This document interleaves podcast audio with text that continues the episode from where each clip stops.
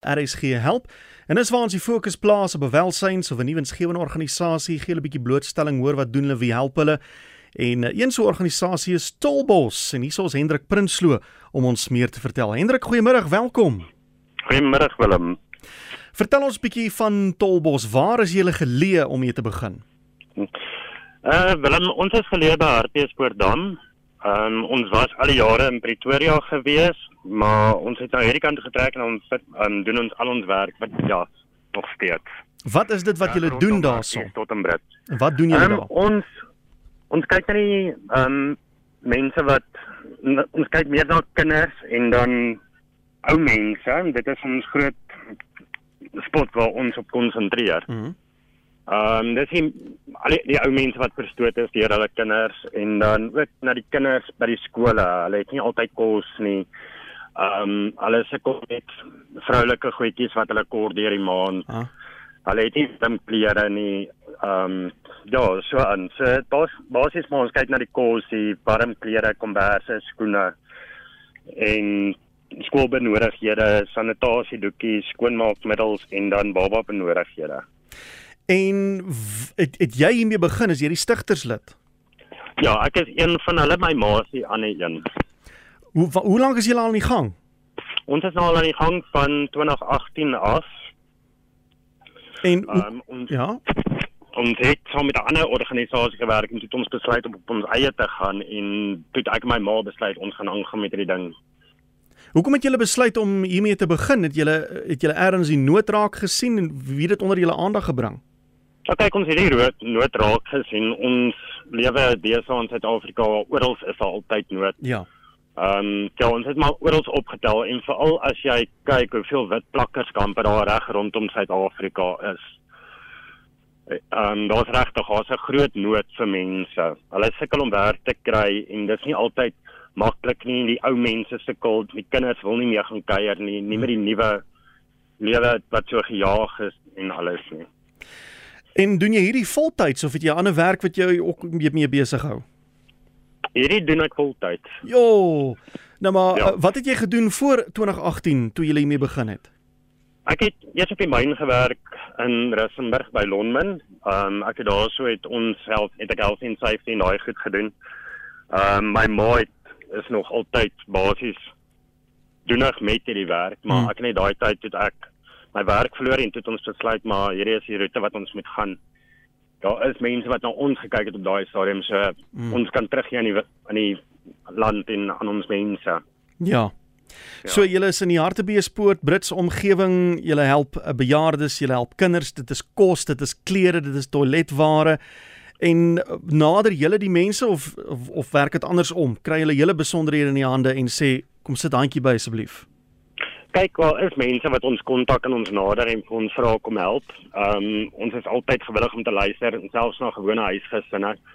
Ehm um, maar die groot ding is ons kyk maar soos ons deur die areas gaan waar is daar regtig nood. Hmm.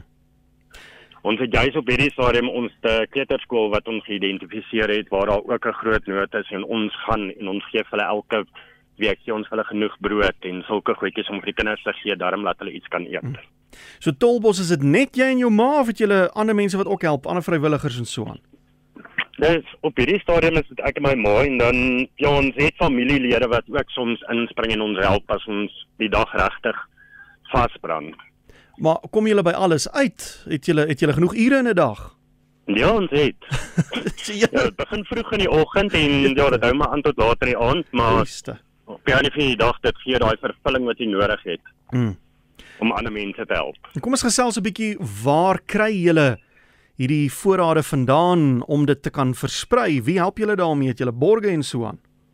Ons het 'n borg gehad en dis eintlik die groot rede hoekom ek ingeskryf het. Ehm um, ons borg wat ons gehad het is verlede en toe het ons nou maar so 'n bietjie opgedroog daarso. Ons kon nie die kontrak vir onsself vasmaak nie. Mm. -hmm. So uh, ja, op hierdie stadium sukkel ons maar so 'n bietjie om die kos en al die goedjies in die hande te kry vir die mense.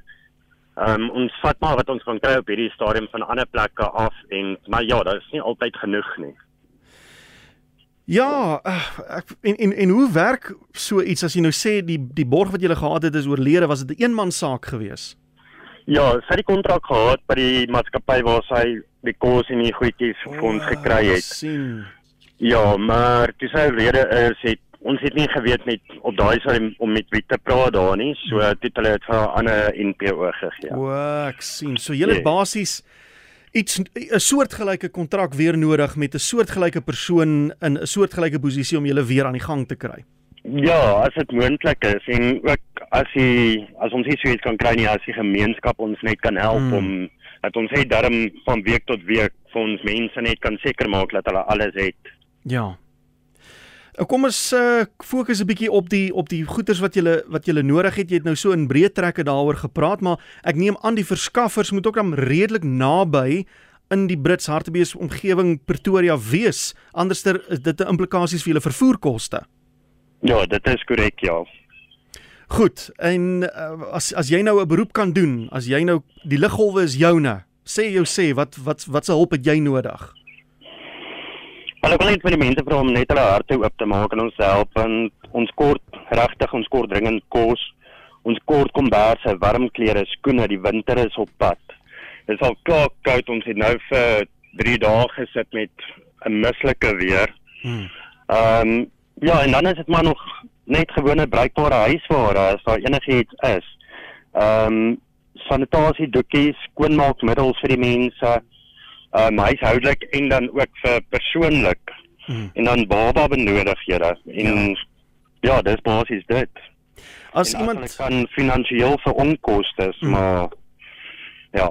So as iemand julle kan help met daai items wat julle miskien 'n finansiële bydrae kan maak, selfs iemand wat sê luister ek het nou nie geld of of, of so nie, maar ek het tyd, kan ek julle kom help om die goederes uit te deel of kan ek kan my help jy die goed rondry en aflewer? Wat is 'n 'n nommer of 'n Facebookblad of iets wat julle het wat die mense mee kan kontak maak? Ons het 'n Facebook-blad. Hy Mhm. word net nie gereeld gemonitor nie. So ek gaan vir jou twee nommers gee. Die een is 'n WhatsApp nommer en die ander een is 'n belnommer. Goed.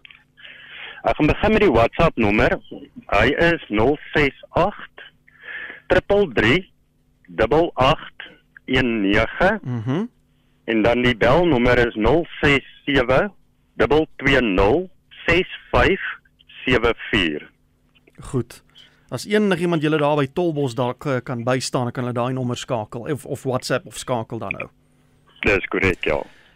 Goed, Hendrik, uh dit is vir my altyd 'n riem onder die hart as ek hoor van iemand wat werk verloor het en in plaas daarvan om te gaan gaan sit in 'n hoekie en huil, besluit hy om ander mense te help wat in soortgelyke posisies is en dit is spesiale mense. Dankie vir jou en jou ma wat hierdie ding aan die gang hou. Dit is 'n groot plesier.